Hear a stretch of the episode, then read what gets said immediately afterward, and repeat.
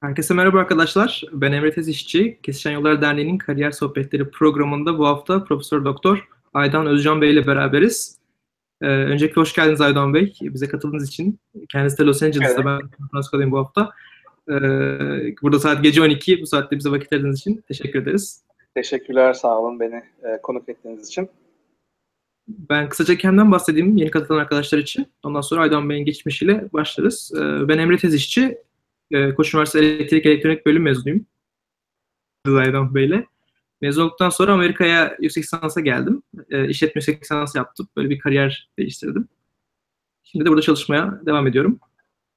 E, Aydan Bey sizin de özgeçmişiniz videonun altında var ama sizin kendi ağzınızdan kısa bir şekilde duyabilirsek. Tabii. Ee, ben de Bilkent e, Elektrik Mühendisliğinden mezun oldum. 2000 evet. senesinde. Ee, ondan sonra Stanford Üniversitesi'nde yüksek lisans ve doktoramı yaptım. Yine elektrik mühendisliği üzerine. Ondan sonra 2005 senesinde, 2006 senesinde e, Harvard Tıp Fakültesi'nde araştırmacı olarak e, iki sene kaldım. 2007'den e, itibaren de Kaliforniya Üniversitesi UCLA Los Angeles kampüsünde kendi labımda çalışıyorum. Çok teşekkür ederiz. Ee, direkt gelen sorularla başlayacağım. Bu soru sizin de ekstra başka sorunuz olursa videonun altında soru linki var. Oradan veyahut da YouTube'da yanındaki kesimden sorularınızı sorabilirsiniz. Ben kendisine iletiyor olacağım soruların. İlk soru e, anonim olarak gelmiş ama Bilkent'ten sonra yurt dışına çıkışın nasıl oldu? Ee, Bilkent'in 3. senesinin işte yazından itibaren bir çalışma temposuna girmeniz gerekiyor. Yani siz de bilirsiniz, başka birçok insan da bilir. Ee, işte o zaman TOEFL'a girmeniz gerekiyordu, GRE'yi almanız gerekiyordu. Ee, yazdan itibaren biraz buna çalışmanız gerekiyor. Hani o sınavlarda skorlarınızın iyi olması önemli. Ee, ondan sonra işte e, e, yüz, yüz döneminde başvuru yapıyorsunuz. Yaklaşık işte 20 okul, e, hangi okulları seçmek istiyorsanız. E, bu başvuruların her birisi online e, detayları e, bulmak mümkündür. Bu başvurulara göre işte CV'nizin, GPA'nizin, GRE skorunuzun, TOEFL skorunuzun ne olduğu önemli oluyor. Ondan sonra da biraz da işte mektuplar önemli, recommendation mektupları. Bunları kimlerden aldığınız, o aldığınız profesörlerin sizin hakkınızda ne yazdığı, nerede tanınıyor olmaları o profesörlerin ve e, belki o profesörlerin doktorayı nereden aldığı da önemli olabiliyor. Çünkü bağlantıları itibariyle mesela benim e, başvurumda e, Stanford'dan e, doktorasını alan birkaç profesörümün yazdığı mektup vardı benim başvuru paketimde. Tabii ki bu zannediyorum e, e, benim için çok iyi oldu çünkü e, onların öğrencisiydi. Yani mesela beni alan e, hoca da e, be, benim referansımı yazan e, Bilkent'teki e, öğretim görevlisini tanıyordu ve bu tanıma tabii ki güzel bir bağlantı oluyor, referans oluyor. E, bu anlamda dinleyen e, genç e, öğrenci arkadaşların e, belki e, ikinci sınıftan itibaren, birinci sınıftan hatta e, başlayaraktan biraz daha e, bulundukları bölümün, bulundukları okulun e, öğretim görevlilerini, profesörlerini daha iyi tanımaları, ne yapmışlar, e, nereden gelmişler, hangi okullardan doktoralarını almışlar, onları biraz daha bilmeleri, belki onlarla konuşmaları, e, işte e, tavsiye almaları ve mutlaka araştırma yapmalarını tavsiye ederim onlara. Yani bulundukları üniversitede e, araştırma yapan e, profesörler varsa onlarla beraber araştırma yapmaları, belki alacak aldıkları bir mektubun içeriğini daha e, araştırma yönüne kaydırmak e, önemlidir, önemli olur. Yani biz mesela burada e, kendimiz bakarken, öğrenci alırken mektuplarda e, klişe cümleler işte bunun e, skorları şöyle, GPA çok iyi bizim okulumuzdan ikinci, birinci çıkmış. Yani bunlar güzel şeyler ama araştırma e, tecrübesi var mı? E, nasıl çalışmış, nasıl araştırma yapmış? Bunlar önemli oluyor. O açıdan da e, hem bulundukları bölümün öğretim görevlerini tanımak, onların kariyer geçmişlerini biraz daha iyi anlamak, onlara bir rol model olarak bir yol gösterir. Biraz da belki de onlarla beraber bir şey yaparaktan referans mektuplarının daha güçlü olmalarını sağlar. Ben zannediyorum bunların birçoğunu yapmıştım kendi başvurumda. Araştırma da yaptım e, Bilkent'teyken. E, hem de o insanlardan tavsiye almıştım. E, öğretim hocalar, yani hocalarımızdan Bilkent'teki. Bu bana tabii ki bayağı faydası oldu kabul almamda ve planlama sırasında. Çok teşekkür ederiz cevabınız için.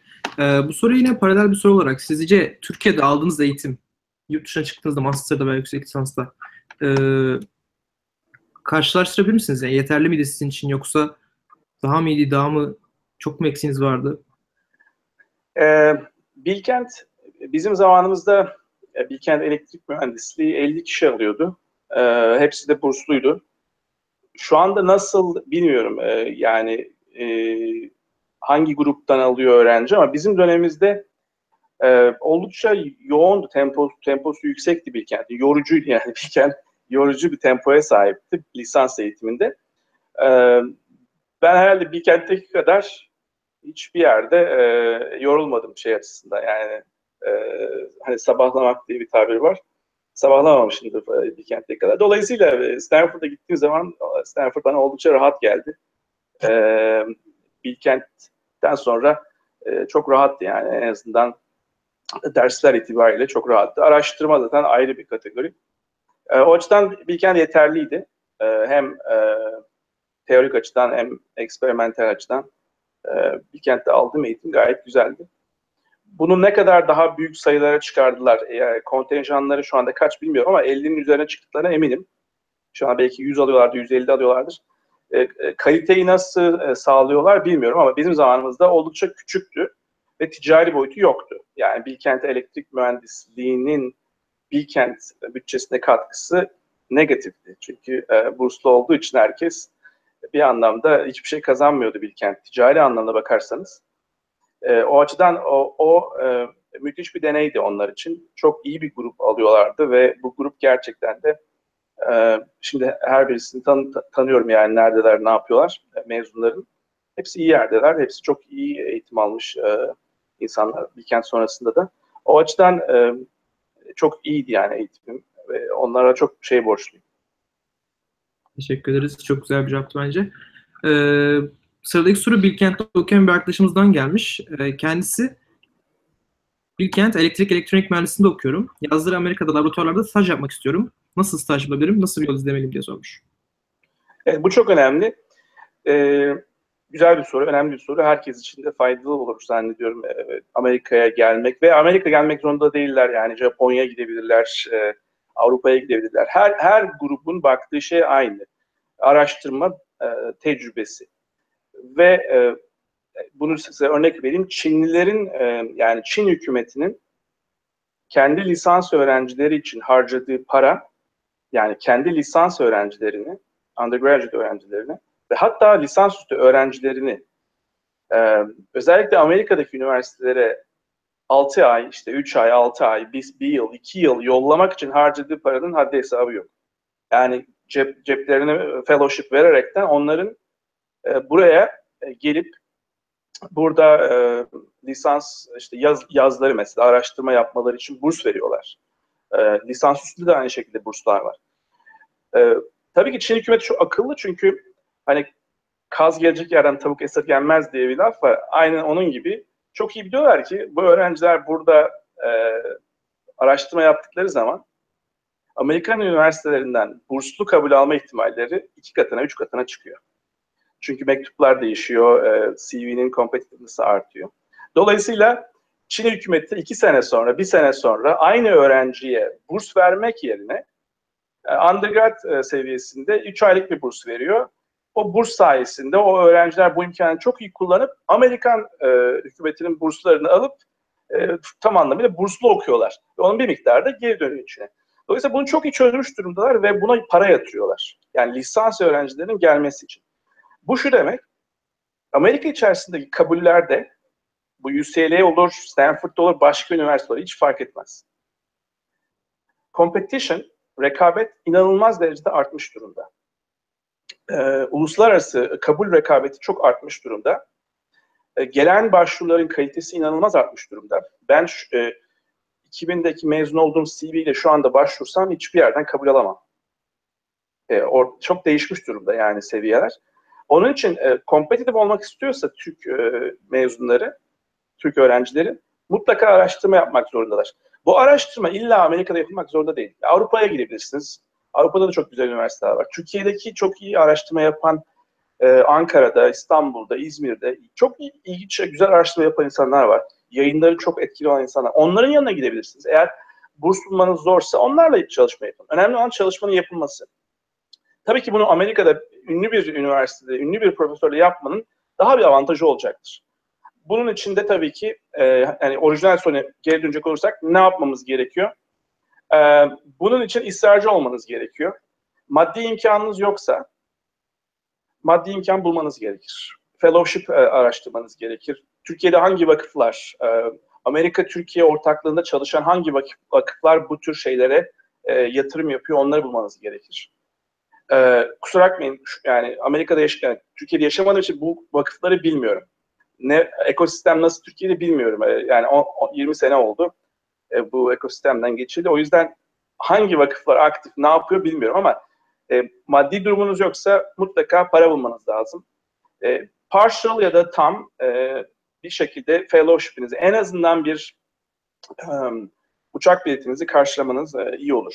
Bunu şunun için söylüyorum. Amerika'daki e, fonlar uluslararası bir lisans öğrencisine verilemez. Çok zor. Yani restrictionlarımız var. Yani Türkiye'den gelen e, vizeyle gel, gelmiş bir öğrenciye 3 ay boyunca bir e, şey veremiyoruz. Fellowship veremiyoruz. Ha, graduate öğrenci olarak gelirse veririz. O ayrı bir kategori. Ama lisans e, öğrencilerinin o 3 ay yapacağı staj burs bulmak çok zor Amerika'dan. Ama başka yerlerden burs bulabilirseniz e, çok iyi olur. Bunu belki e, yani üniversitenizle konuşup üniversitenizin böyle küçük bursları varsa e, onları kullanmanız e, iyi olabilir. Profesyonel organizasyon olabilir. Mesela IEEE'nin işte Optical Society of America'nın böyle uluslararası organizasyonların küçük bursları olabilir. Onlara başvurabilirsiniz. Ama ne yapıp yapıp e, bir şekilde bir burs bulup e, ben burslu bir şekilde gelmek istiyorum diye e-mail atmanız gerekiyor. Yani bu şu demek, çalışmak istediğiniz, explore etmek istediğiniz, denemek istediğiniz alanlar varsa bunları belli başlı üniversitelerde web üzerinden bulup bu e, işte e, grupların, bu hocaların yaptığı işlere birkaç tanesine bakıp birkaç keyword ile çok kısa, çok uzun olmayan e-mail atmanız gerekiyor. İşte ben şuyum, şu sınıftayım, şu e, bölümdeyim ve sizinle 3 ay çalışmak istiyorum. Burs buldum, bursumu şunlar karşılayacak. Yani sizden bir financial bir aid istemiyorum. Yani istiyorsanız bulamayacağınızı şimdiden söyleyeyim. Çok çok nadir böyle e, fonlar. Özellikle yabancılara. Benim e, fona ihtiyacım yok.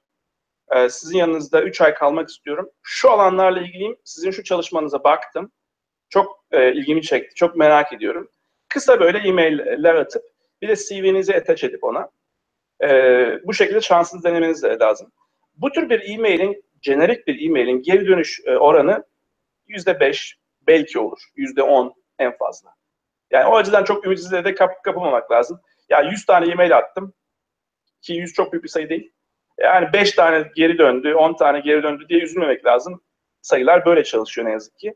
E, bu insanların birçoğu çok meşgul ve bu tür e-mail çok sıradan her gün geliyor.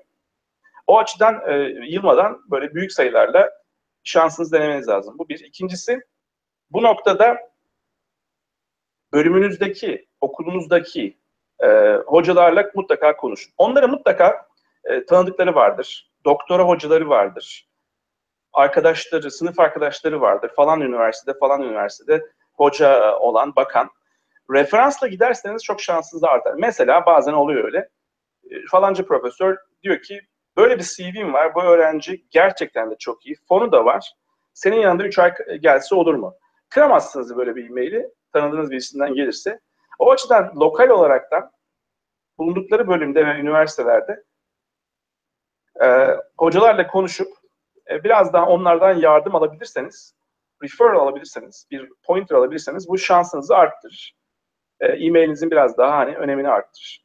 E, bütün soruya geri dönecek olursam, e, yaz araştırmaları Türkiye'de de yapılabilir. Avrupa'da da yapılabilir, Amerika'da da yapılabilir. Ama önemi önemi özellikle graduate seviyedeki admission için, kabuller için inanılmaz artmış durumda ve competitiveness çok çok yüksek durumda ve bunu Çinliler domine ediyor şu an için. Yani gelen CV'lerin e, research potansiyeli açısından en güçlü donanımı e, sahip olan CV'ler Çin'den geliyor. Ve çok sofistike bir şekilde e, yatırımlarını, fellowshiplerini hazırlayıp e, üniversiteler arası programlar kuraraktan bu konuda çok ileridiler. Logaritmik olarak ileridiler. Zaten sayıları daha fazla. Bir de logaritmik olarak e, kualitelerini de arttırmış durumdalar. E, yarış çok fazla. E, kız, yani sofistike bir yarış var. Ve ne yazık ki Türklerden gelen CV'lerin e, o yarışta e, aynı slope'u gör, görmüyorum. Yani e, yıllara baktığım zaman e, bir, bir artış var e, Çinlilerin e, yolladığı CV'lerde. Bunun sebeplerini de çok iyi anlıyorum çünkü programlar belli yani. Nasıl geldikleri belli. Çok sofistike organize geliyorlar. Türk, Türkiye'deki üniversitelerin ve öğrencilerin bu konuda biraz daha e, sofistike olmaları gerekiyor. Biraz daha koordineli olması, olması gerekiyor. Burada yap, yatırılacak olan fon 1 dolar olsa senede atıyorum e, scale olmuş bir şekilde. Return'ü bunun 5 senede Türkiye'ye yani 100 kat olacaktır. 1'e 100. Yani inanılmaz büyük bir e, geri dönüş olacaktır. Çünkü bir yatırırsanız 3 aylık bir e, öğrenciyi sponsor etmek için 2 sene içerisinde o sizde 5 senelik e, yani yüz binlerce dolar seviyesinden geri döner. Bir öğrencinin senelik maliyeti Amerikan Üniversitesi'ne 80 bin dolar yaklaşık. 5 sene PhD yaptığınızı düşünün. 400 bin dolar. 400 bin dolarlık bir investment alabilirsiniz. Ee, öğrencilerinizi 3 aylık programlarla Amerika, Amerika'ya işte farklı ülkelere, farklı yerlere koordineli bir şekilde yollarsınız. Bunun yani denklem çok transparent ve çok e, yani kolay çözmesi. Bunun birilerinin e, Türkiye'de açıklaması gerekiyor. Çok teşekkürler. Hiç bölmek istemedim. Çok güzel anlatıyordunuz. Ben e, bahsettiğiniz o en azından uçak bileti ve işte staj konusunda bizim derneğimizde bir çalışması var. En azından ondan bahsedeyim kısaca. E, 2017 yılında geçen sene yaptığımız programda bizim seçtiğimiz 5-6 arkadaşımıza e, tıp fakültesi, işte Stanford Tıp Fakültesi bu gibi yerlere kazanmış kişilerin uçak biletlerini biz karşıladık. Yani Tebrik ederim. Harika. Yine e, eğer başvurular sanırım iki ay sonra açılacak. Yine böyle bir şeyiniz varsa başvurabilirsiniz. Çok güzel. Ek olarak çok bu güzel sene, şey. Tabii. Ee, ek olarak da bu sene staj bulmanızı da yardımcı oluyoruz. Ama bize daha güçlü bir CV ile gelmeniz lazım ki bizim bulabileceğimiz staj sayısı kısıtlı olduğu için en iyi 5 veya 10 arkadaşımızı seçeceğiz. Bunun da açıklaması web sitemizde var daha sonradan Aynen. seyredebilirsiniz. Ee, sıradaki sorumuza geçelim. Hep anonim olarak geliyor arkadaşlar. Anonim sormayabilirsiniz. Sıradaki sorumuz şöyle. UCLA ve Los Angeles'taki hayatta en sevdiğiniz ve en sevmediğiniz şey nedir? diye gelmiş. Ee, Los Angeles e, güzel bir şehir. E, birincisi e, çok çok farklı background'a sahip insanlar var. Farklı kültürlerin, farklı milletlerin, farklı background'daki insanların bir arada olduğu çok uluslararası bir şehir. Ve bu renklilik insanı e, çok rahat hissettiriyor. Farklı e, gruplar, farklı background'daki insanlar e, çok beraber e, bir harmoni içerisinde yaşayabiliyor. Güzel bir şehir o açıdan. Uluslararası, çok diverse. E, tabii ki e, okyanusa da çok yakın e, olması itibariyle onun da çok güzel e, avantajları var. E, tek kötü yanı benim gördüğüm trafiği iyi değil. İstanbul kadar olmasa bile trafiği kötü. San Francisco ile yarışır. San Francisco'nun trafiği e, 10 sene öncesinde çok iyiydi Los Angeles'a göre ama şimdi en son ne zaman gitsem San Francisco'nun trafiği e, Los Angeles'la yarışmaya başlamış. Çok ilginç geldi bana da. Los Angeles'ın trafiği kötüdür ama planlarsanız mesela sabahları belli saatleri e, yok ederseniz, or kullanmazsanız, akşamları da belli saatlere git kullanmazsanız sorun yaşamazsınız. E, Los Angeles o açıdan trafiği dışında güzel bir şehir. UCLA'in e, benim için en önemli avantajı disiplinler arası çalışma yapmanın kolaylığı. Özellikle tıp fakültesi ve mühendislik fakültelerinin beraber çalışma kültürü, e, birbirine yakın olmaları, aynı kampüs içerisinde hem çok iyi bir e, tıp fakültesinin hem güçlü bir mühendislik fakültesinin olması bana inanılmaz avantaj sağlıyor. Kurduğum labın işleyişi, aldığım öğrencilerin, aldığım araştırmacıların e, yapısı, e, backgroundları, onların kampüsteki diğer araştırmacılarla entegrasyonu bize çok avantaj sağlıyor. Yani yapmak istediğimiz her şeyi istersek kampüste yapabiliriz. E, bazen de kolaborasyon yaparız. Bu bize gerçekten de çok kolaboratif bir ortam veriyor. Ve bu e, yaptığımız araştırmanın e, e, yani ruhuna da e, etki etki yapıyor. E, ve bizi biraz daha güçlü yapıyor yaptığımız şeyin e, uygulamaları açısından. E, yani hani mühendislerin şöyle bir e, temel problemi var. E, problem çözmeyi çok seviyoruz ama bazen ihtiyacı olmayan problemleri çözüyoruz. E, burada tabii ki e, farklı disiplinlerden gelen insanların farklı backgroundlarla beraber çalışması çok önemli ki yaptığınız işin e, relevance yani e, ilişkisi, gerçeklikle olan ilişkisi, gerçek problemlerle olan ilişkisi çok önemli. Biz mesela ya, yaptığımız birçok projede e, klinik kişilerle çalışıyoruz, klinik uzmanlarla çalışıyoruz. Dolayısıyla e, hem yaptığımız işi klinikte test ediyoruz, yani hastalar üzerine test ediyoruz. E, hasta örnekleri üzerine test ediyoruz. Belli bir e, approval'ın ardından. E, hem de başka cihazlar üzerinden test ediyoruz. Yani FDA'nin approve ettiği cihazlar üzerinden test edebiliyoruz. Bu bize gerçekten bir avantaj sağlıyor. Çok kısa bir sürede yani binlerce hastanın örneğine ulaşabiliyorsunuz. Yani yaptığınız bir cihazı, en son yaptığımız cihazlardan bir tanesini e, yani binin üzerinde hastada test etme imkanımız oldu. E, bir binadan diğer bir binaya e, öğrenciler getirdiler ve test ettiler birkaç ay içerisinde. inanılmaz değerli bir data çıkardık.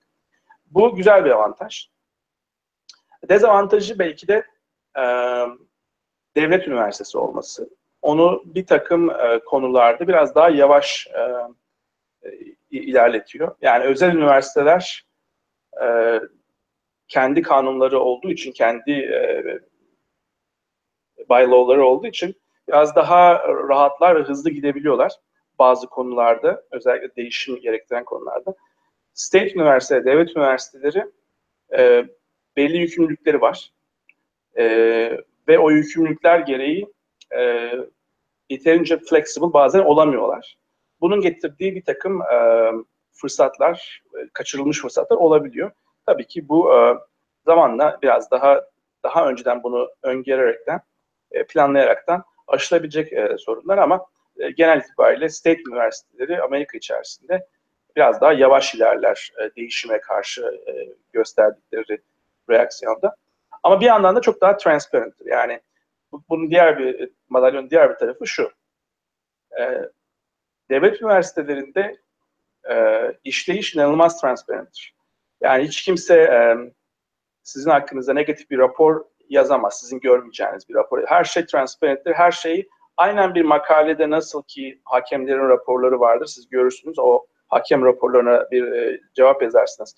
Aynı bu transparentlıkta, şeffaflıkta state üniversiteleri e, yürütülür ve bir anlamda demokratiktir. Yani güç dağılmıştır ve o gücün dağılmasından gelen bir e, yönetim yavaşlaması vardır ama bir anlamda da bu şeffaflığın getirdiği bir e, e, yani bir e, etkidir.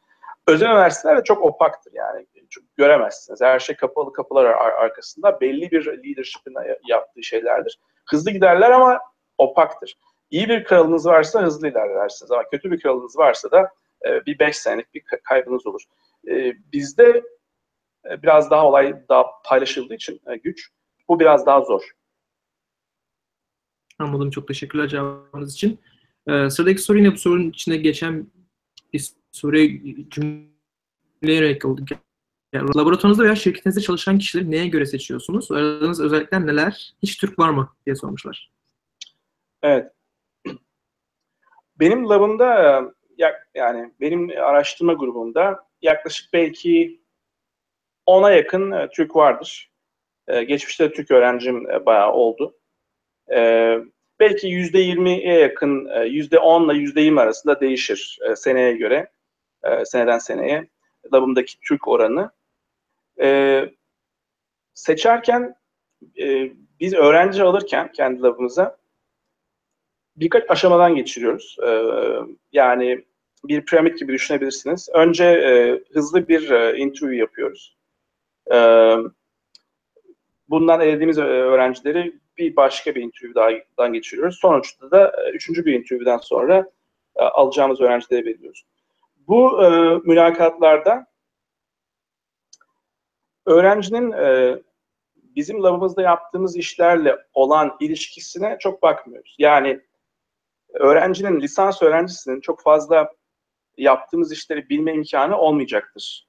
E, yaptığımız işlerdeki kullanılan teknikleri, kullanılan teknik e, jargonu veya e, detayları bilmesi mümkün değil. E, yani belki aşina olabilir ama bu bizim aradığımız bir şart değil.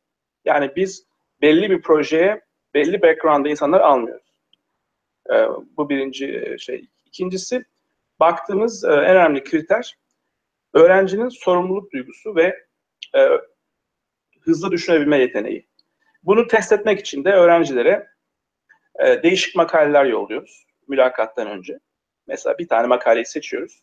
E, onu öğrenciye belli bir gün öncesinde, herkese aynı e, eşit seviyede, belli bir gün öncesinde, belli bir saat öncesinde veriyoruz. Amacımız burada e, okuduğunu anlayıp onu tartışabilecek, onu özümseyebilecek, e, o konuda onu challenge ettiğimiz zaman e, nasıl düşünüyor, nasıl cevap veriyor, onu anlamaya çalışıyoruz. Yoksa e, bilgisi varsa o konuda bir avantaj sağlayamıyor. Çünkü çok spesifik bir makale yolluyoruz.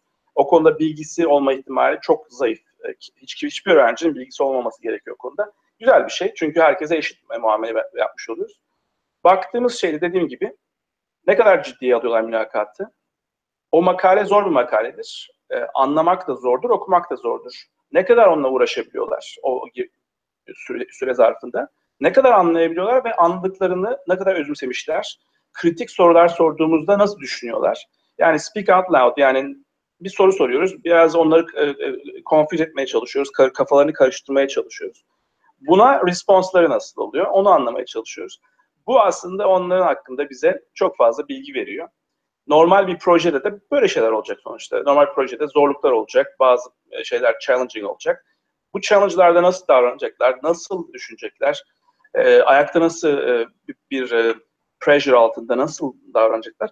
Bunları e, öğrenip insan kalitesini anlamaya, donanımının e, ve kalitesini anlamaya çalışıyoruz. Bir yandan da onların ciddiyetini anlamış oluyoruz. Çünkü e, hemen elediğimiz öğrencilerin bir miktarı makaleyi okumamış oluyor. Niye? Çünkü ciddiye almıyor o interview'u. Yani çok demek ki e, kafasında çok fazla yok gelmek veya graduate school öylesine başvurmuş. Onları hızlı bir şekilde birkaç dakika içerisinde eleyebiliyoruz bu şekilde. Bizi zaman kazandırıyor. Dolayısıyla baktığımız şey insan kalitesi. Background'daki, teknik e, background'daki uyum değil. Çok teşekkürler. Umuyorum ki birçok arkadaşımıza yardımcı olmuştur bu cevabınız. Ee, sıradaki sorum bilim, bilim dünyasında gözleri size çeviren ilk çalışmanız neydi diye sormuş.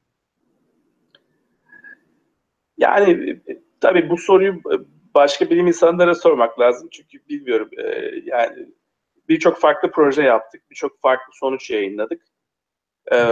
Bunların etkisi e, nedir? E, onları başkalarının cevaplaması lazım. E, herhalde en fazla e, medyadan e, ilgi çeken konuların başında e, mobil e, sağlık sistemleri üzerine yaptığımız çalışmalar, cep telefonunu mikroskopa, cep telefonunu sensöre, e, bir teşhis cihazına çeviren çalışmalar.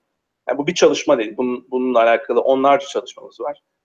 Ee, bunların oluşturduğu tema herhalde bayağı bir insanın ilgisini çekti. Ee, medyada da aynı şekilde. Ee, bir de herhalde merceksiz görüntüleme, üç boyutlu merceksiz görüntüleme, holografik görüntüleme bu konularda yaptığımız çalışmalar bir anlamda yine mobil sistemlerle bağlantılı. Onlar da e, oldukça ses getirdi. E, zaten kurduğum şirket de bunu ticarileştirdi. Bu e, ses getiren buluşların, çalışmaların bir miktarı şu anda ürün. Birkaç jenerasyonunu değiştirmiş. Yani e, belki dördüncü seviyede bir ürün, dördüncü klas bir ürün, e, seviyede bir ürün. Bunların bir miktar ticarileşti, e, patentleri e, alındı ve şu anda ürün olarak kullanımda. E, genel itibariyle yaptığımız şeylerin uygulamaları hem biyomedikal hem de çevre sağlığı, özellikle su ve hava içerisindeki parçacıklar ve e, biyo parçacıklar ve inorganik parçacıkların e, işte onların teşhisi, onların görüntülenmesi, onların sayılması, onların boyutlarının ölçülmesi. E, bu, bu konuda yaptığımız çalışmalar hem biyomedikal hem de çevre sağlığı konusunda e, uygulamaları çok fazla olduğu için bir yandan da insanların ilgisini çekiyor. Kullanıcıların hikayeleri var ona uyan. Yani kimisinin e, ailesinden birilerini kaybetmiş e, sağlık problemleri yüzünden, kimisi devamlı işte azma veya başka sağlık problemleri yaşıyor. Dolayısıyla e, halkla alakalı problemlere, yani halk sağlığıyla alakalı problemlere çözümler bulmaya çalıştığımız için bazı yaptığımız e, teknik e, kontribüsyonlar e, biraz daha kolay an, anlaşılır oluyor. Biraz daha kolay anlatabilir oluyor. Ve onların da getirdiği ses, yankı özellikle medya tarafından daha fazla oluyor. Ama bizim tarafımızda yani teknik olarak hepsi aynı derecede zengin bence ve beni heyecanlandıran şeyler. Bir miktarı e, daha zor açıklanabilen, bir miktar daha kolay açıklanabilen şeyler. Bunlar da biraz da uygulamalarına göre değişiyor. Teşekkür ederim. Sıradaki sorumuz yine bu medya ile alakalı olur çünkü en çok yankılanan haberlerden biri buydu. Ee, Amerikan Başkanı Barack Obama'dan ödül almak nasıl bir duyguydu? Hangi projeniz ile almıştınız diye sormuşlar. Evet. Um, Obama'dan, Başkan Obama'dan um, aldığım proje um, Amerikan uh, donanmasının verdiği bana bir uh, fonun uh, ilerlemiş versiyonuydu. Bu da işte özellikle su içerisindeki bakterilerin ve parçacıkların görüntülenmesi, mobil sistemlerle görüntülenmesi e, üzerine e, bir, bir projeydi. E, bu ödülü aldığım zaman Başkan Obama ikinci döneminin seçimleriyle meşguldü. Yani e, tam e, bir sene sonrasında seçim vardı. Kendisinin ikinci başkanlığını e, açacak olan seçim vardı. Ve e, yaklaşık güz dönemiydi. Dolayısıyla o zaman pollar, o zaman e, halk oylamaları kötü durumdaydı Obama için. Hatta çok kötü durumdaydı. Yani kaybediyordu o zaman büyük bir marjınla. Dolayısıyla çok stresliydi. E, yani Beyaz Saray'da bizi ağırlarken kafası başka bir yerdeydi. Ama hemen anlıyorsunuz yani e, Başkan Obama Amerikan başkanlık tarihinde belki e, en e, sofistike, en donanımlı entelektüel açıdan başkanlardan bir tanesi. E, özellikle bilim insanlarıyla olan ilişkileri inanılmaz derin. E, kendisine sunulan e, advisorların, bilimsel advisorların, danışmanların ona sunduğu raporların incelenmesi kendisi tarafından inanılmaz derinlikte yapılıyormuş. E, biz bunu bayağı bir kişiden duyduk. E, ve daha fazla bilgi istiyor. Yani normalde bir başkana giden raporların belli bir e, kısıtlaması oluyor. Özellikle bilimsel raporların belli bir abstract seviyesinde kalması gerekiyor. Detaylarına girmeden özet verilmesi gerekiyor. Obama e, birçok konuda özellikle enerji ve çevreyle alakalı konularda e, çok daha detaylı bilgi isteyip raporları daha detaylı okuyup sadece özetleriyle değil tartışma yapıp onları hem özümseyim hem de kritik bir şekilde e, bilim insanlarıyla tartışabilmiş bir başkan. Ve bunu bir defa değil yani repeated, tekrar tekrar yapabilmiş bir başkan. O açıdan bilim insanları için ve Türk e, ve e, Amerika'nın bilim e, politikası için, bilimsel yatırımları için son 8 sene inanılmaz büyük avantajdı gerçekten de. E, bizim açımızdan e, tam bir e, kurtuluştu yani. E, güzel bir iğme vardı. Ne yazık ki işte e, önümüz birazcık karanlık. E, umarım yakın bir zamanda tekrar aydınlığa çıkar. Ama Obama gerçekten de e, yani Amerikan başkanlık tarihinin en e, entelektüel, özellikle bilime yaklaşım itibariyle en donanımlı başkanlarından bir tanesi. Belki de bir, birincisi. Ne yazık ki şu andaki görülen kontrast da e, Amerikan tarihindeki en büyük e, kontrast. Yani kalite farkı açısından, entelektüel derinlik açısından hepsine geçtim. Bilime verilen önem açısından. Ee, yani çok e, karanlık ve üzücü bir dönem bilim insanları açısından. Ee, neyse Obama'dan bırakalım. Teşekkür ederiz. Ee, ben sıradaki soruya geçeyim. Yani anonim olarak gelmiş. Ee, Aydan Bey'in ortalama bir gün nasıl geçmektedir? Türkiye ile ilgili bir planı var mı? Mesela şirketinin bir tarafını Türkiye'de açmak gibi diye bir soru gelmiş. Evet. Benim bir haftam e, haftasına göre değişir. E, eğer bir yolculuğum yoksa, bir konferansım yoksa, Los Angeles'ta kalıyorsam o hafta içerisinde iki defa grubumla toplantı yaparım. E, işte tipik olarak salı günleri ve perşembe günleri grubumla yaklaşık her birisi 2-3 saat olan toplantılar olur. Bunlar da e, grubun içerisindeki değişik projelerin e, görüp onların e, üzerinde son duruma bakıp işte e, bir sonraki adımlara karar veririz. Onun dışında bunlar belirlenmiş program içerisindeki grup toplantıları. Onun dışında birebir yaptığımız toplantılar olur. Bunlar da ihtiyacı göre, o projenin durumuna göre yapılacak olan e, belli e, işte makaleler olsun, belli proposal'lar olsun, fon getirmek için. Onların planlanması için böyle birebir toplantılar olur. E, bunlar genel çerçeve içerisinde grupla alakalı yaptığım işler. Onun dışında vaktimin en büyük kısmı makale yazmak, makale edit etmek de geçer. E, yani yaptığımız çalışmaların, e, yani getirdiğimiz fonların, aldığımız öğrencilerin, train ettiğimiz, eğittiğimiz, yetiştirmeye çalıştığımız e, doktor doktor öğren doktor öğrencilerinin, postdocların e, temel felsefesi e, yeni bir şey üretmek ve o yaptığın scholarship'i e, bir sonraki jenerasyona yazılı bir şekilde vermektir. Yani yazılı scholarship manuscript üzerinden e, bizim en önemli işimizdir. E, yani benim birinci derecede önem verdiğim iş manuscript e, yazmak, edit etmek, yaptığımız sonuçların açıklanması ve onların yayınlanmasıdır. Bu bir scholar için en, en önemli önceliktir. O bayağı vaktinizi alır. Tabii bu sporadiktir. Yani e, bazen olur ki e, o hafta bir manuscript yoktur. Ama bir sonraki hafta iki tane olur.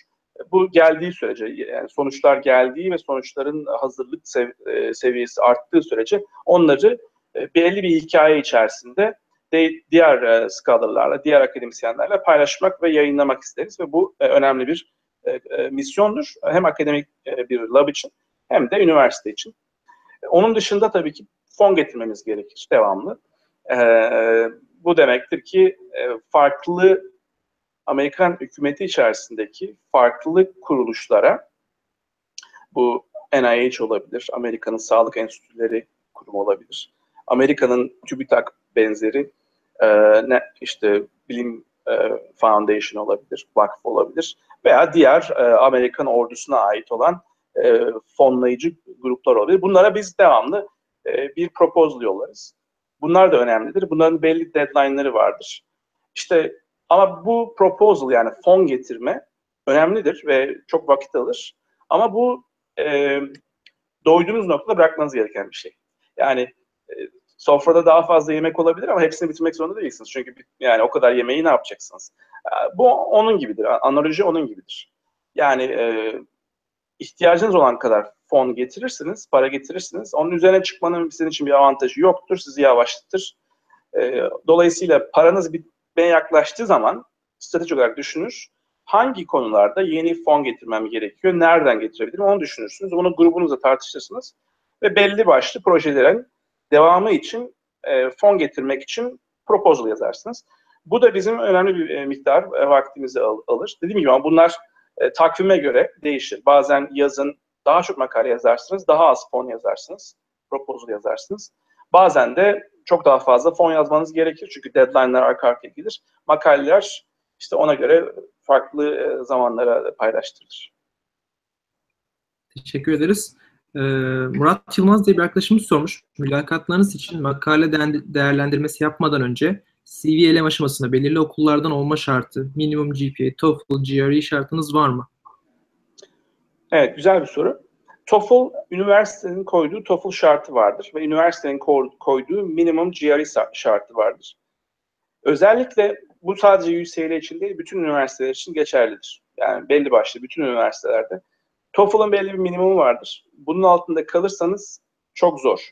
Yani e, kim isterse istesin e, o kararı değiştiremezsin. Çünkü TOEFL çok e, stratejik önemi olan bir şey. Çok üst, üst, yüksek olmasının bir avantajı yok ama o minimum üzerinde olması lazım.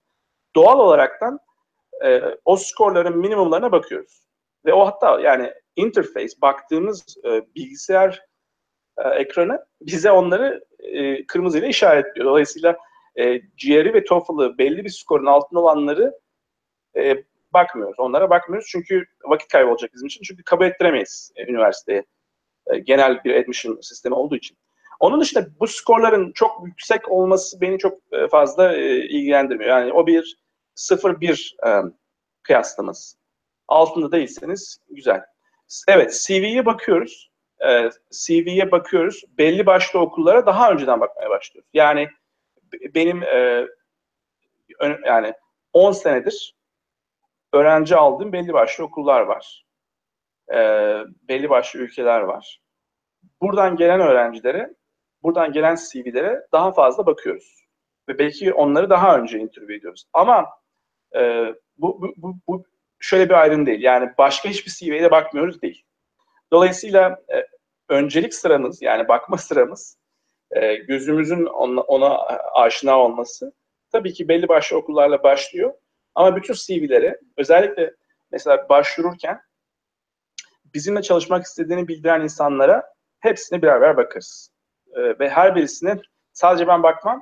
Benim labımda çalışan e, postdoc bir, bir grup oluşturuyorum her e, her sene. Onlarla beraber bakıyoruz. Yani her bir CV'ye belki birkaç kişi birden bakıp onları belli bir ranking'e koyup e, interview'larımıza başlayıp e, yavaş yavaş eleyerekten e, belki 3-4 kişiye indiriyoruz. E, senede yaklaşık 2-3 kişi e, alıyorum grubuma. E, bu da benim yaklaşık 100 kişiye daha detaylı bak bakmama gerektiriyor. Yani 100 kişiye bakıp belki 3-4 kişiye indirmeye çalışıyorum. Teşekkürler cevabınız için. Ee, sıradaki sorum e, cep, telef- cep telefonuyla tahlil yapabilen bir mikroskop geliştirdiniz. Bundan kısaca bahsedebilir misiniz demiş. Tabii. cep telefonlarının e, çok e, ilginç özellikleri var. E, bunlardan birincisi optik e, kameraları e, inanılmaz e, hızlı bir şekilde ilerledi. Son 10 senede mesela megapiksel sayısı cep telefonlarının her iki senede bir iki katına çıktı son 10 sene içerisinde. Ve bazı cep telefonları kameraları 40 megapikselin üzerinde e, çözünürlüğe sahip megapiksel sayısı olarak. Biz bu gelişim tabii ki bizim kontrolümüz altında değildi. Yani bu endüstrinin e, istediği bir şeydi ve milyarlarca dolar para yatırdılar bunu bu hale getirmek için.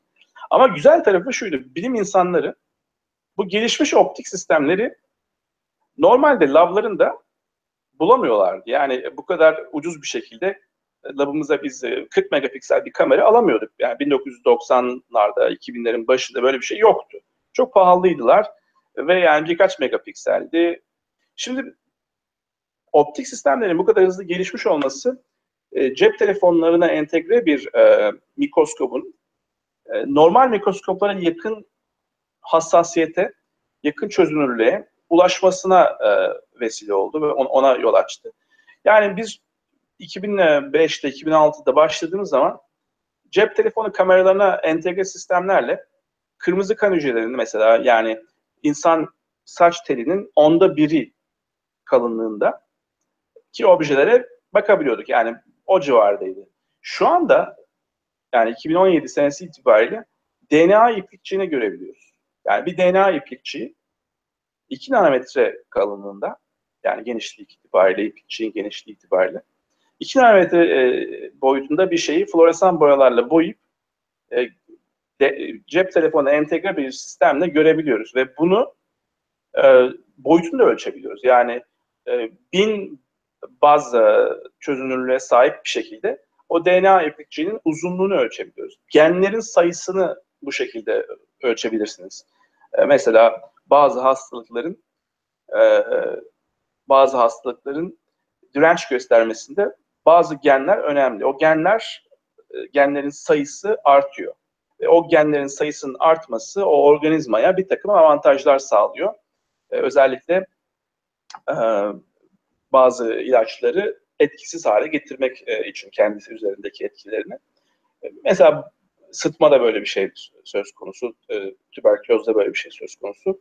O tür testlerin yapılması için bu tür genetik haritaların çıkarılması, genetik genlerin sayılması, artık bu tür testlerin cep telefonu entegre optik sistemlerle yapılması mümkün. yani 2017'nin başında böyle bir çalışma yayınladık. Nature Communications dergisinde yayınladığımız makalede doku içerisindeki genetik mutasyonları e, kolon kanseri, bağırsak kanseri hastalarında e, görüntülememiz mümkün oldu. Cep, cep telefonunu iki ayrı floresan kanalında görüntü alıp bu ayrı kanalları bir tanesini işte mutasyona uğramış e, e, hücre e, kısımları için, diğerini de normal sağlıklı hücre kısımları için e, görüntüleyip iki ayrı kanalda mesela mutasyon analizi yap yapabilmek mümkün hale geldi. E, virüsleri tek yani individual, e, tek izole edilmiş virüsleri görmemiz mümkün. Yani bir virüs yaklaşık 100 nanometre boyutunda. Yani e, 10 binde biri saç telinin kalınlık itibariyle yaklaşık. E, bunları tek parçacık halinde görmek, saymak mümkün hale geldi. Bütün bunlar aslında e, bilim insanlarına lablarda yap yapa geldikleri, yaplar, lablarda kurdukları bazı e, ölçüm sistemlerini, teşhis sistemlerini, sensörleri e, çok ucuz bir şekilde belki aynı hassaslıkta, aynı çözünürlükte, aynı performansta e, mobil hale, elle tutulabilir, taşınabilir, cebinize koyabilir hale getirdi. Hem ucuz oldu, hem kompakt oldu, hem mobil oldu, hem de connected oldu. Yani o datanın e, central serverlara ulaşması, zamana ve koordinat sistemlerine bağlı imzalanması ve buna ba- ba- bağlı bir büyük bir data verisi, veri tabanının oluşturulması mümkün hale geldi ve bütün bunlar e, bizim yaptığımız e, e, çalışmaların temel fokusunu ve temel motivasyonunu oluşturuyor. Evet, ve 10 sene içerisinde dediğim gibi o örneği onun için verdim. Yani beyaz kan hücresi, kırmızı kan hücresi mesela işte saçlarının onda birinden e, 2 nanometrelik bir objenin görünmesi mümkün hale gel- gelmeye başladı. Ve çok basit e, interface'lerle. E, yani şu anda yaptığımız çalışmalarla mesela birkaç molekülün e, gözükmesi e, cep telefonuna ait bir sistemle mümkün hale geldi. Yani tek molekülü gördüğümüz de oluyor ama bunu repeat bir şekilde yapamıyoruz şu an için. E, belki 5 tanenin altındaki molekülü görebiliyoruz. Yani bir noktada 5 tane molekül varsa, floresan boya molekülü varsa bunları görebiliriz. Yani bunlar e, normalde gerçekten de çok pahalı bir labın küçük bir köşesini alan sistemlerle görülmüş e, gözlemler, yapılmış deneyler. Bunların çok daha ucuza, çok daha e, mobil bir şekilde yapılması bize inanılmaz büyük avantajlar sağlıyor. Özellikle de e, dediğim gibi e, biyomedikal teşhis, teletıp, mobil sağlık, yani hastanenin ulaşım alanını genişletme imkanı veriyor. Hasta ile hastane arasında gidip gelen örneklerin azaltılma imkanı veriyor. Yani belki İstanbul için bu çok büyük bir problem olmayabilir ama e, bazı yerlerde en azından ücra köşelerde e, örneğin alınıp korunup, soğutulup, taşınıp laboratuvara gitmesi, oradan sonucun geri gelmesi, hastayı bulması çok mümkün olmayabiliyor. Dolayısıyla e, hastanın gelmesi veya örneğin gelmesi yerine bu tür aletlerin, ölçüm aletlerinin e, hastaya gitmesi veya evlerinize gelmesi mümkün olacak. Bu çok önemli. Özellikle ev çok önemli. Hem gelişmiş ülkeleri etkileyen bir şey hem de gelişmekte olan ülkeleri etkileyen bir şey. Çünkü ev, evlerin sağlık e, için çok büyük potansiyeli var. Özellikle yaşlanan ve kronik hastaların arttığı popülasyonlarda sağlık sistemlerinin akıllı olması ve evlere girmesi, koruyucu olması ve e, evlerdeki sorunları erken bir şekilde data analiziyle e, çıkartıp daha e, korkunç, daha kötü e, sonuçların çıkmasını engellemek çok önemli. Çok basit bir e, sayı vereyim. Amerika'daki sağlık harcamaları yıllık 3 trilyon doların üzerinde. Ve bunun yüzde, ha bu harcamaların yarısı, yüzde beşi tarafından oluşturuluyor. Hastaların yüzde beşi bu 3 trilyon üzerindeki harcamanın yarısını oluşturuyor. E, bu sayı daha da kötü olacak. 2024 itibariyle bunun 6 trilyon doları aşması bekleniyor. Ve e, nüfusun artması ve nüfusun yaşlanması dolayısıyla kronik hastaların daha da fazla olacağı, insanların daha e, evlerinde daha uzun yaşayacağı düşünülürse e, özellikle batı toplumları için e, teletıpın ve e, mobil sağlığın önemi artıyor. Biz de bu tür çalışmalar yapıyoruz. Yani bu bizim son son 10 seneyi aşan zaman diliminde yaptığımız çalışmalardı. Şimdi talep tıpın ve sağlık ile alakalı çalışmaların üzerine biraz daha çevreyle alakalı çalışmalar da yapmaya başladık. Ee, özellikle havanın içerisindeki, suyun içerisindeki mikro hayatı daha iyi anlayabilmek çok önemli. E, mikropların e, dünya üzerindeki etkisi, insan üzerindeki etkisi, e, dünya üzerindeki etkisi, topraktaki etkisi, havadaki etkisi inanılmaz sofistike, inanılmaz yeni şeyler öğreniyoruz. E, yani insan vücudunda insan hücresinin 10 katı sayıda fazla e, mikrop var. Bu mikropların çoğu insan sağlığı için inanılmaz derecede önemli. O mikropların olmayışı veya o mikropların e, durumlarını değiştirmesi, e, kendi vektörel durumlarını değiştirmeleri e, hastalık olarak kendisini buluyor. Dolayısıyla aslında hastalanmak bir anlamda sizin mikroplarınızın durumunun değiştirmesi olarak düşünülebilir belli hastalıklar için. Bu aynı şekilde tarım için de böyle. Tarım tarımda verimlilik, tarımın içerisinde, toprağın içerisindeki mikropların durumu, havadaki mikropların yağmura etkisi, yani yağmur yağdırmaya etkisi. E, bu konuda inanılmaz çalışmalar var. Bütün bunların hepsi bize e, havada, suda, toprakta, insan vücudunda yani mikropların çok yoğun bir şekilde faaliyet gösterdiği ve sofistike fonksiyonlar icra ettiği yerlerde onları ölçmek, onları tanımak, onların durumunu anlayabilmek, onların e, durumlarını karakterize edebilmek ve probe edebilmek için imkanlar oluşturuyor. Bir ihtiyaç var çok büyük. Dolayısıyla bu da e, belki önümüzdeki 10-20 sene içerisinde e, çok önemli bir alan. Benim de girdiğim, girmek istediğim, daha da ilerlemek istediğim bir alan. Çok teşekkür ederim. Gerçekten çok ilgi çekici ve önemli ilerlemeler. Başarılarınızı da ileride göreceğiz bu konularda. Ee, buna bağlı benim bir sorum var. Siz mesela laboratuvara girdiniz, böyle bir araştırma yaptınız. Bunun sonucu bir ürünü bir şirkete çevirdiniz. Türkiye'de bu sizce laboratuvar kültürü bu şekilde mi? Değilse neden değil? Sıkıntısı ne? Bundan bahsedebilir misiniz kısaca? E, ufak bir kesilme oldu. Soruyu tam an, olarak anlamadım ama anladığım kısmını söyleyeyim belki e, düzeltirsiniz beni. Anladım. Türkiye'de bu proses nasıl işliyor? Akademiden e, çıkan inovasyonların IP'ye veya ürüne dönüşme prosesi nasıl işliyor? İşliyor mu, işlemiyor mu? Bu tür bir soru muydu? Evet, soru buydu. İşlemiyorsa neden işlemiyor sizce? Bilmiyorum çok fazla. Yani e, güzel bir soru, çok güzel bir soru. E, inovasyonun inovasyon çok önemli bir güç. E, artık bir lüks değil. İnovasyon e, bir bir moda değil artık. E, yani inovasyon moda ama güzel olduğu için moda değil. Bir power, bir güç ve disruptive bir weapon aslında. Yani ulusların birbirleri olan çekişmesinde inovasyon şu anda çok önemli bir güç ve o dinamiğin içerisinde bir silah gibi düşünebilirsiniz. Dolayısıyla hiçbir ülkenin inovasyonu ıskalama lüksü yok. Bu ekonomik bir lüks değil. Yani ekonomik bir e, ekonomi bunun çok yakın vadeli e, etkisidir. İnovasyonu kaçırmak ekonominizi göçertir. Ama onun sonrasında çok daha e, e, ülkenin istikbali için, istiklali için çok önemli etkileri olacaktır. İnovasyon artık bir e, e, uluslararası bir e, silah. Ve inovasyonu ıskalayamaz hiçbir ülke. Türkiye inovasyonda ne yapıyor, nerede?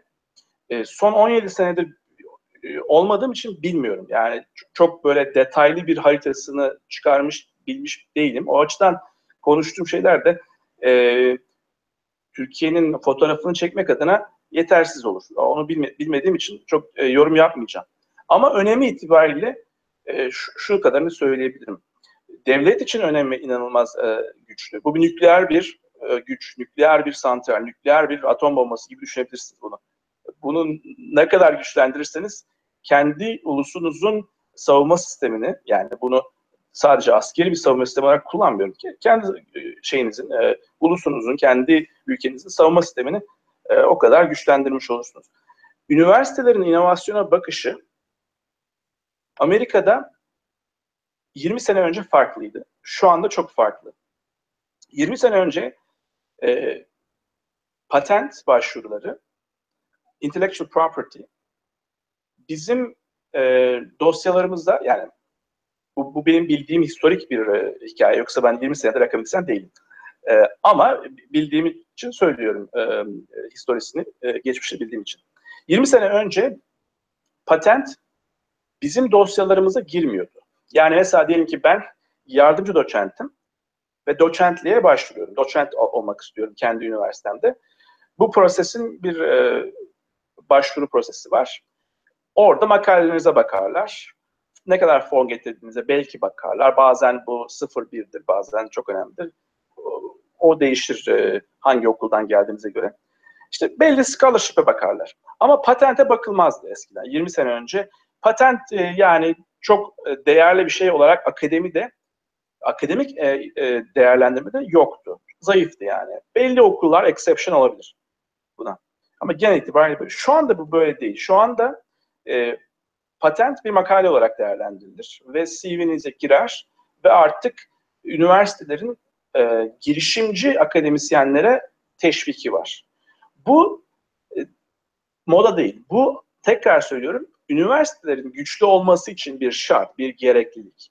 Ve artık bunu üniversite, ha girişimcilik moda, e, böyle bir şey yapalım, e, buna teşvik verelim diye bakmıyor. Bu bir güç, ekonomik bir güç. Çok basit bir örnek vereyim. UCLA'in geçen sene itibariyle sadece bir patentinin, kanser ilacı olan bir patentinin satılmasıyla aldığı, satılmasıyla oluşturduğu ekonomi 1.3 milyon, milyar dolar. Yani bir patentimizi geçen sene itibariyle 1.3 milyar dolara sattık haklarını. 1.3 milyar doların 0.4 milyar doları, 400 milyon doları üniversiteye direktmen geri döndü. Geri kalan kısmı e, buluşum yapanlar tarafından ve başka e, e, kişiler tarafından da, dağıtılmış durumda. Ama 400 milyon doları direktmen üniversiteye geri döndü. Ve bu sadece bir patent. En önemli patent ama bunun gibi bir sürü imkan var. Şimdi bu direktmen tabii ki üniversitenin intellectual property'ye, patente, girişimcilere ve bu tür e, akademisyenlere bakışını fundamentally değiştiriyor. Bu artık bir lüks değil. Bu başka üniversitelerin sizinle compete etmeleri için yapmaları gereken bir şey. Ve bunu e, aynı şekilde e, üniversiteler için bu şekilde değerlendiririz. Şehirler için bu şekilde değerlendiririz.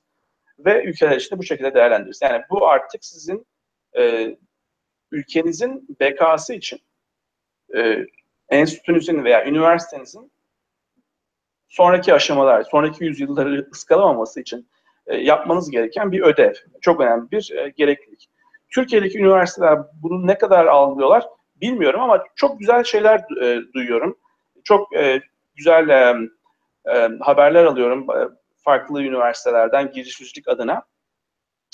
Bunları tabii görmek lazım. Bunları birilerinin Türkiye adına değerlendirip test etmesi gerekir. Yani etkisini kontrol etmeleri gerekir. Yapılan her türlü projenin, her türlü e, e, inisiyatifin, her türlü girişimciliği teşvik eden programın evaluate edilmesi lazım.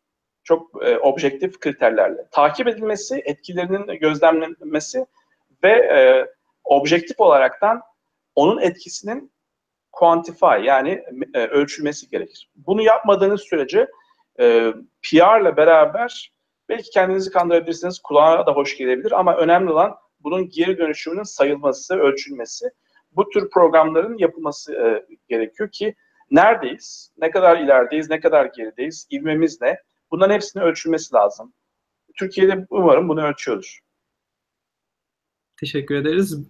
Ben de şahsen umuyorum ki bu tarz başarı ve programların ülkemizde daha fazla artacağını düşünüyorum ben de. Ee, süremizin sonuna geldik. Buralarda saat geç. İsterseniz son herkese sorumuz klasik bir sorumuz var. Onu soralım. Onunla programı kapatalım. Ee, sizin Türkiye'deki öğrenciler için, Türk gençliği için tavsiyeniz nelerdir? Neler yapmalarını tavsiye edersiniz? Nelere ilgi duymalılar? Genel olarak tavsiyeniz nedir? Yani e, ben onların yerinde olsaydım e, herhalde e, tut yani bu şuna bağlı. Sizin kim olduğunuza bağlı.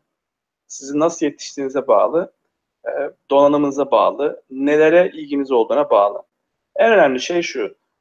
Siz ne de iyisiniz, neye karşı tutkulusunuz, neye karşı gerçekten de heyecanlısınız. Bunu takip, etmeniz, takip etmeniz gerekir. Başkaları istiyor diye veya popüler olduğu için e, kendinize kariyer seçmeyin. E, bu uzun vadede sizi hem mutsuz edebilir e, hem de e, belki yeteneklerinize, tutkunuza uygun olan bir şey değildir o. Dolayısıyla insanın bir anlamda kendisini iyi anlayıp, iyi değerlendirip ne olduğunu, ne olmak istediğini, kendisinin neye çok büyük aşkı, tutkusu olduğunu anlayıp ona göre e, imkanlara bakması gerekir. Ona göre kendisine bir kariyer çizmesi gerekir. Önemli olan gerçekten de tutkudur. Çünkü tutku çok güçlü bir um, um, vasıf ve o yetenekle ve biraz da iyi bir eğitimle birleşirse e, sizi çok iyi bir yere getirebilir. E, iyi bir eğitim e, ve gerçekten bir passion varsa, e, güzel bir donanımınız da varsa siz e, gerçekten de e, ne seçerseniz seçin, o tutkuyla beraber birleştirirseniz background'ınızı başarılı olursunuz. Zaten önemli olan da insanın e, mutlu olduğu şeyi yapması, tutkulu olduğu şeyi yapması. Çünkü öyle yaparsa mutlaka bir şekilde başarılı olur. Çok teşekkür ederiz. Ee, bize vaktinizi ayırdınız. Sabırsız gecenin bu saatlerinde. Ee, desteğinizi verdiniz. Umarım biz de ülkemizdeki kişilere, öğrencilere yardımcı olabilmişizdir. Bir kişiye bile yardımcı oluyorsak bizim için ne mutlu. Çok teşekkür ederim. Bizi... Burs veriyor olduğunuzu da öğrenmiş oldum. Ee, şey e, uçak bileti. Bu çok harika bir şey gerçekten de. Ee, Birçok öğrenci e, bir şekilde kabul alıyor. Bazılarının maddi durumu olmayabilir. Yani bu tür bir e, e, imkanın yapılması e, ve öğrencilere bir CV, e, bir e, değerlendirmenin ardından böyle bir imkanın sağlanmış olması bence harika. Çok güzel bir başlangıç. Tebrik ediyorum.